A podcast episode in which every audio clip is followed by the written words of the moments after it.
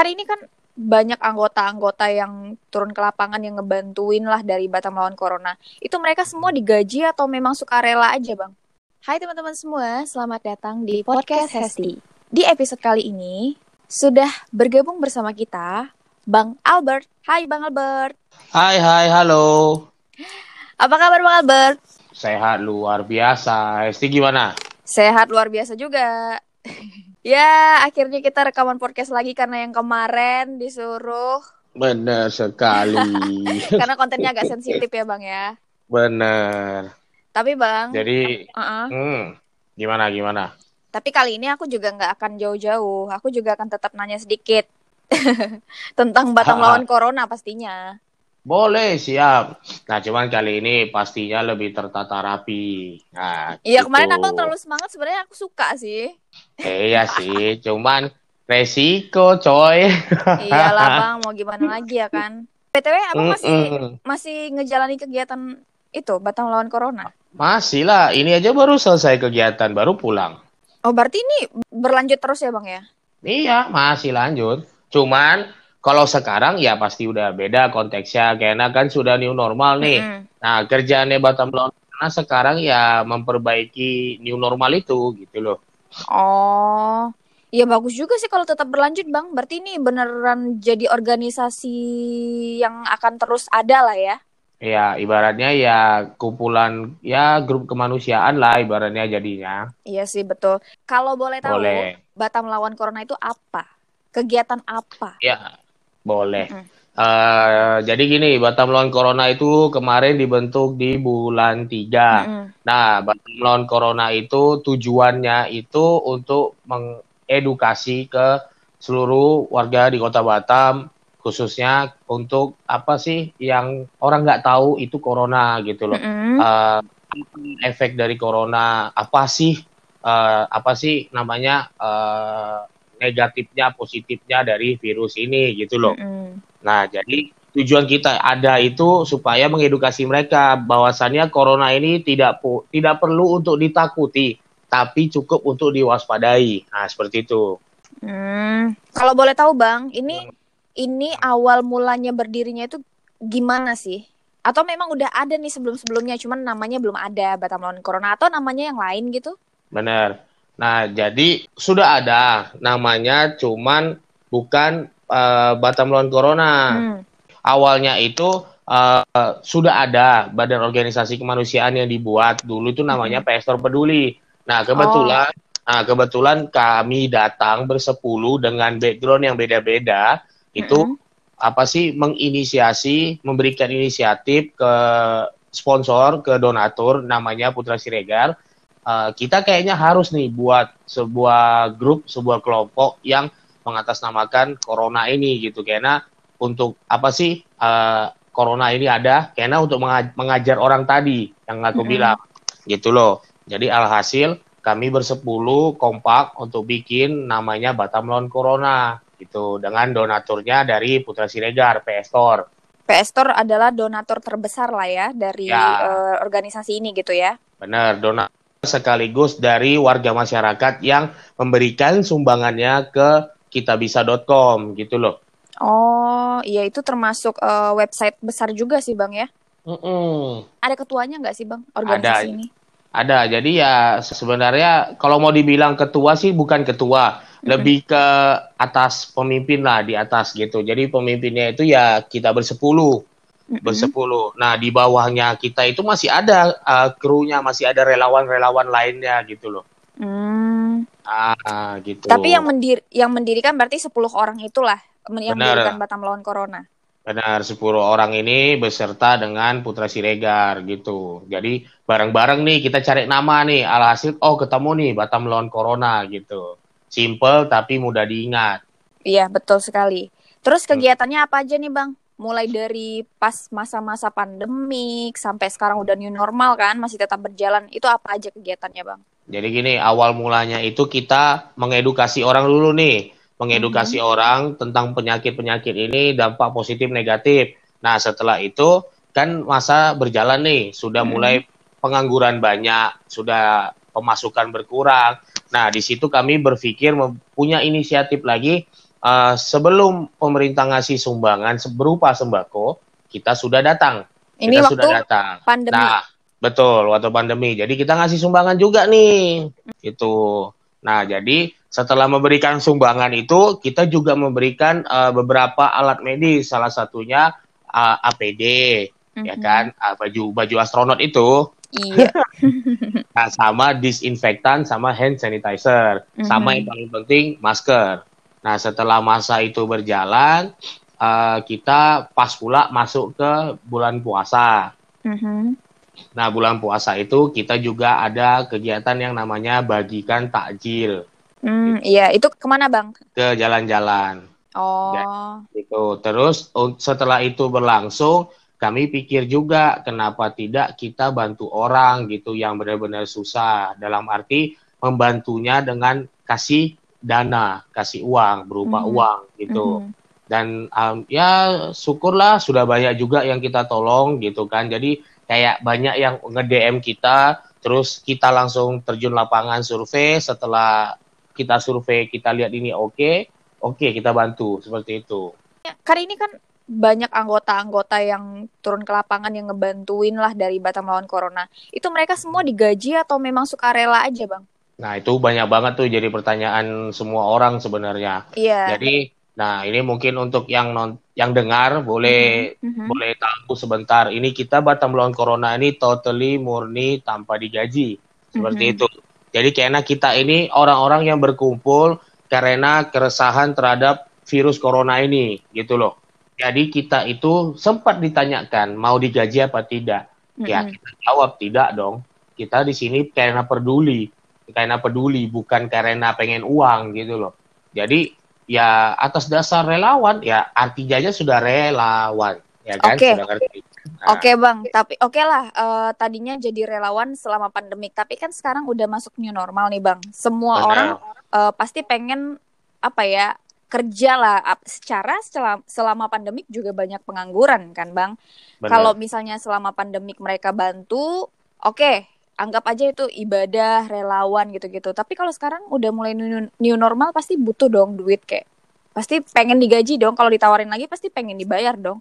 Eh, kita semua basically punya pekerjaan tetap gitu. Mhm. Nah, cuman ini kayak mengisi waktu senggang kita di masa pandemi gitu kan. Berarti Nah, kegiatan sampingan. Iya, jatuhnya ini kegiatan sampingan, makanya disebut eh, kegiatan kemanusiaan. Jadi bukan kerjaan pokok, tapi Hmm, tetap memberi gitu loh. mm-mm. Nah, jadi jatuhnya sekarang kita pun banyak yang udah jarang masuk. Beda ya sama yang kemarin-kemarin 3-4 bulan yang lalu hampir Lebih iya, rutin ya bang ya. bener hampir tiap hari masuk gitu kan. Nah, sekarang udah jarang kayak Abang sekarang aja dari tunggu 1 2 3 4. Udah empat hari nggak masuk, baru hari ini masuk. Tetap ke kerjaan masing-masing, tapi tidak Mm-mm. lupa untuk kemanusiaan itu, gitu loh. Oh, Nah, sekarang sekarang aja ini yang dari 10 orang itu ada satu yang sekolah loh. Ada Oh, satu. jadi ada anak sekolah juga yang ikut Ah. kegiatan ini. Ada. Dan sekarang dia sekolah, jadi cuma bisanya itu hari Sabtu sama Minggu. Oh, betul juga ya. Gitu. Berarti kalau kayak abang sendiri sekarang udah new normal, udah mulai kerja normal kembali, tapi kegiatan ini tetap dijalani ketika eh, memang bisa ada waktunya gitu ya bang ya. Bener. Nah, sekarang aja kan buktinya empat hari yang lalu kita udah mulai kegiatan seperti kayak kemarin udah bi- mulai bikin short movie lagi. Oh, itu kegiatan youtuber Batam ya bang ya, komunitas ya. Ah, Iya, itu udah mulai bikin short movie lagi gitu. Jadi untuk abang sendiri juga udah mulai nge-YouTube lagi, Loh, jadi selama pandemi abang bener-bener nggak nge-youtube lagi? nge-YouTube juga. Eh, abang gitu loh, sejak kapan skip nge-YouTube? iya loh, eh, iya itu yang mau aku tanyain juga. Jadi gimana konten tetap jalan, Eh, video Jalan. uploadan YouTube tetap ada. Ada, tetap ada. Nah, itu itu yang selalu dipertanyakan. Kok kayaknya Bang Albert nggak pernah nampak bikin konten, tapi tiap minggu upload gitu loh. Sebenarnya Iya, YouTube abang lebih ke apa nih? Eh, lebih ke all about Batam sih. Ya, contoh kayak apa sih yang ada di Batam gitu. Terus kayak eh, ada masalah apa di Batam. Terus kayak eh, gimana sih itu eh, Batam. Terus kayak what's new in Batam. Ah, kayak gitulah. Jadi all about Batam lah. ada nggak bikin konten tentang Batam lawan Corona? Kan abang ada ada di kegiatan ini nih, kesempatan ada, kan? Ada, ada, ada. Di situ Nah, ada video khusus yang tentang ngebahas Batam lawan Corona dong. ada di videonya abang ada sekitar empat konten itu yang di Batam lawan Corona. Jadi kayak kegiatan abang berbagi sembako, Mhm. bagikan uang tunai, bantu orang di jalan. Nah itu semua ada di situ. Oh, berarti Empat sejenis konten. vlog ya, Bang ya? Ya, tapi jatuhnya bukan vlog sih. Kalau tahu kayak eh, apa ya, Mhm. jalinan kasih, ya jalinan kasih gitulah. Oke, di RCTI ya. Ah, ya, kita, aku bikin konsepnya lebih kayak gitu. Oh. Nah, Tapi- jadi Mm-mm. ya jadi di di apa beberapa video yang abang buat itu, abang mencoba memberikan impresi baru. Oh, Hmm. ternyata di Batam ini ada salah satu organisasi kemanusiaan gitu. Mm-mm. Jadi ya secara tidak langsung memperkenalkan Batam juga di luar. Oh ternyata Batam ini tidak seperti yang di luar. Bahwasannya di luar itu kayak tingkat positif banyak besar banget gitu kan. Tingkat Mm-mm. sembuhnya sedikit, meninggalnya banyak. Nah beda dengan Batam yang apa dikerjain sama abang berbuah mantap loh. Kan sudah ada apa statement kan dari pemerintahan bahwasannya di Kepulauan Riau itu tingkat virus corona pe- penyebaran virus corona itu paling sedikit. Karena ya ya ibaratnya kayak kegiatan kita yang mondar mandir warawiri untuk cerewetin orang ya setidaknya berbuah sih gitu. Tapi Bang, masih nih ya. Oke lah, aku aku bersyukur, aku bersyukur sekarang Batam eh, sudah tidak masuk ke zona merah lagi gitu kan. Cuman ada aku juga khawatir sih lihat teman-temanku yang ada story kayak mereka lagi di luar tuh storyin orang-orang rame nggak pakai masker bang. Sedangkan kita kan new normal ini masih perlahan-lahan, masih ya mulai mulai membaik itu karena kita perlahan-lahan keluar pakai tetap ikutin protokol kan. Tapi masih ada yang enggak gitu loh. Itulah ibaratnya eh, sekarang gini, ibu punya empat anak, terus dari empat anak itu nggak mungkin empat empatnya nurut semua, pasti ada yang bandel Iya. satu. Jadi Nah, itu. Ya, kurang lebih gitulah istilahnya. Kita udah cerewetin orang sana sini sana sini, tapi tetap aja ada yang bandel. Apalagi ya kita bilang anak zaman now ya, anak zaman now paling susah dikasih tahu. Iya sih. Kayak Masih? kayak kayak nggak bisa nyembunyiin wajah cantik dan wajah Ah. gantengnya gitu ya. Emang kenapa gitu loh kau pakai masker gitu? Kan kayak artis Korea ya, Bang ya? Ah, ah. nggak kal, nggak hilang kok gantengnya, nggak hilang kok cantiknya. Bukti buktinya ya, eh, apa cewek-cewek yang berhijab terus pakai masker malah kelihatan cantik terus disebutnya ih ada Upi kan gitu. Oh, udah kayak pakai cadar gitu ya, Bang. ah kan gitu. Tapi kayaknya intinya adalah eh, yang penting tidak eh, menyentuh tangan, eh mata, Mm-mm. hidung dan mulut lah ya, Bang ya. Iya ibaratnya eh, jangan ya untuk sekarang ini pun tetap harus waspada protokol itu Mm-mm. tetap harus jaga. Ha- Harus Ketemu- dijalanin. Mm-mm. Ya ketemu sama orang kalau bisa jangan jabat tangan terus Mm-mm. apa pun benda yang di sekitar yang mau dipegang kalau bisa steril dulu ah gitu Iya. Mm-mm. karena tangan ini paling pengaruh loh Hes nggak ngerasa loh Mm-mm. serius nggak ngerasa karena kita contoh nih kayak sekarang abang yakin nih sekarang Hesti lagi tangannya pasti lagi pegang meja Pegang meja, eh, lagi pegang pena, Bang. ah pegang pena itu pena tadi dari mana Pena dari tempat pena. ah tempat pena sebelum tempat pena ada yang pegang nggak Nggak ada, ini mah di kamar aku sendiri, mana ada ah yang contohnya kan contohnya gitu tuh Kalau di kantor, kayak di kantor sih bisa jadi orang lain megang, kita nggak tahu kan. Bener. Nah itu Hmm. dia. Banyak yang nggak sadar dengan itu. Makanya sebenarnya lebih diwajibkan ke cuci tangan sih. Betul, pakai cuci tangan, pakai sabun gitu ya bang ya. Mm-mm. Tapi btw bang, aku tuh udah hapus sih. Aku kan sebelumnya kan waktu pandemi corona kan ada bikin video tentang corona kan. Tapi Ya. sekarang aku udah eh, apa ya? Tadinya private, sekarang udah hapus sih. Terus aku Wah, baca di, ya, terus aku baca di grup juga eh, dari bang siapa yang nge-share. Aku baca sekilas katanya yang tentang corona bakalan dihapuskan. Itu maksudnya apa ya bang ya? Enggak, itu sebenarnya. Nah ini dia. Mm-mm. Kalau ada ada istilahnya no no picture hoax kan gitu. Aha. Itu belum terbukti keabsahannya. Karena kenapa? Ingat Mm-mm. loh di kontennya abang, abang bikin rumah sakit corona loh, Oh yang di? yang di Galang. Oh Pulau Galang. Oke. Mana ada? Nggak ada di take down sampai sekarang. Jadi maksudnya itu yang dihapuskan itu apa maksudnya? Nggak ada itu jadi gini orang yang menyinggung makanya kemarin abang minta to- minta hapus video yang sebelumnya yang sama abang Oh, kalau ada yang menyinggung-nyinggung. Ah, iya, gitu loh. Jadi oh. bermain ibaratnya kayaknya kita belum jadi siapa-siapa. Hmm. Sedangkan Siapa tahu yang setelah itu kita bisa naik, Bang. Nanti eh, tinggal ini apa namanya? Yang Ini ucapan minta maaf gitu. Iya, klarifikasi dong. Klarifikasi. Gak apa-apa, Bang, biar naik dulu. Nanti kayak Palepi-Palepi itu dong. Palepi. eh, Palepi apa, Bang? Siapa tuh? Prank sampah.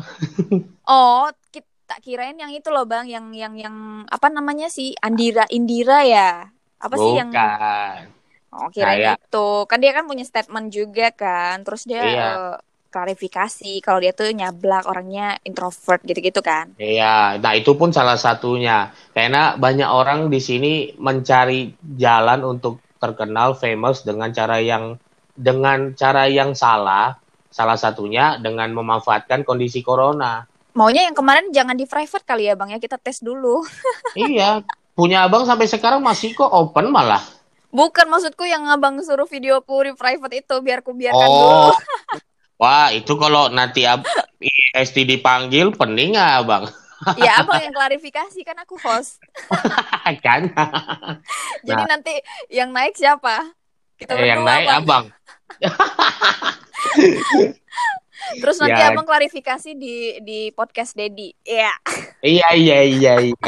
Terus nanti aku bilang awalnya aku coba-coba tapi lama-lama ketagihan.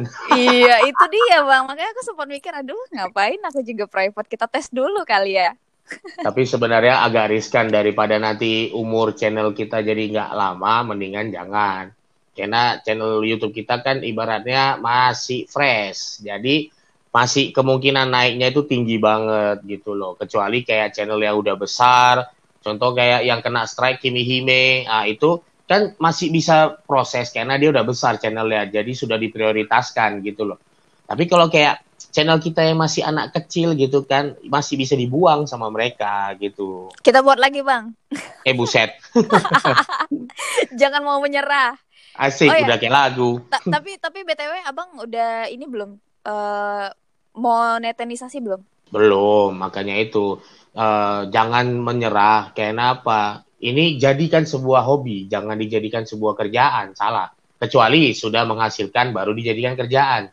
Ah, akhirnya aku mendapatkan itu kok, Bang. Kalau kemarin-kemarin aku sempat eh, capek, tapi sekarang aku Hmm. udah dapat kok. Ini hobi dan aku nggak peduli.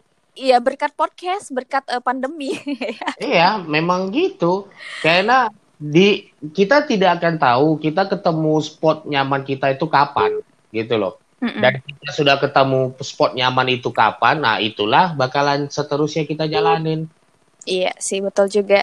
Nah, rencana aku, Bang, Hmm. setelah ngajak abang nge-podcast eh, ngobrol ini menggantikan video yang abang akhirnya minta Mm-mm. aku private itu yang sebenarnya aku agak sakit hati itu padahal aku udah seneng banget abang nyablak di situ ya kan tapi ya udah aku sempat berpikir eh, next kapan-kapan kita nge-podcast bareng Bang Erik juga kali ya jadi abang sama Bang Erik ada di sini karena kan abang kan sebagai ketua youtuber Batam dan Mm-mm. dia foundernya kan Mm-mm. nah kita bahas-bahas tentang eh, apa tentang youtuber Batam gitu loh bang Ini kan sudah new normal, sudah boleh ketemu face to face dong.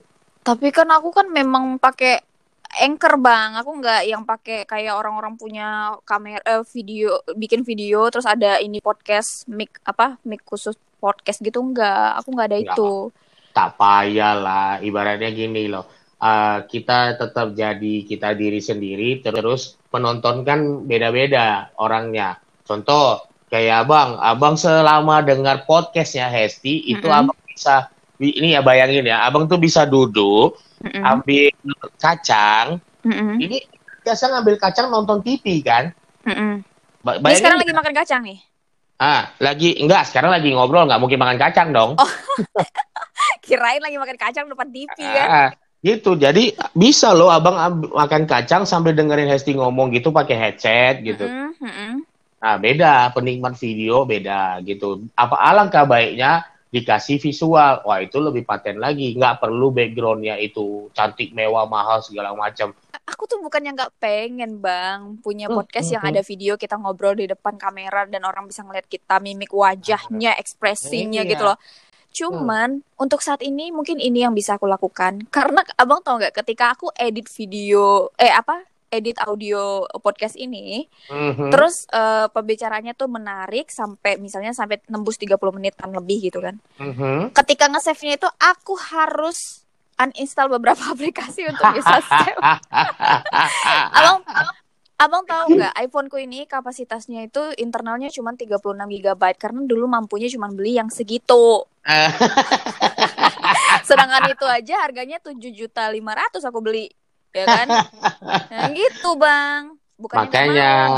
Mampir PS Store. Jia Asik. promosi. Eh, di sini. tolong Bang eh, apa owner PS Store tolong tolong kasih sumbangan. Aduh. Aduh, Bang Tapi- udah udah iklan pula di sini pet promote. Ah, pet promote tuh, dengerin gak kalian pet promote? Bete- Tapi abang udah udah iPhone juga sekarang kan, udah sebangsa. gitu, Bang. Iya, jangan ngomong. Oh jangan. eh iya punya ab- punya abang itu iPhone berapa tuh bang? Kita sudah memulai meminimalisir kegiatan pembagian sembako karena sudah Kita lanjut obrolannya di part 2 ya. Terima kasih telah mendengarkan podcast ini. Sampai ketemu di podcast berikutnya. Bye.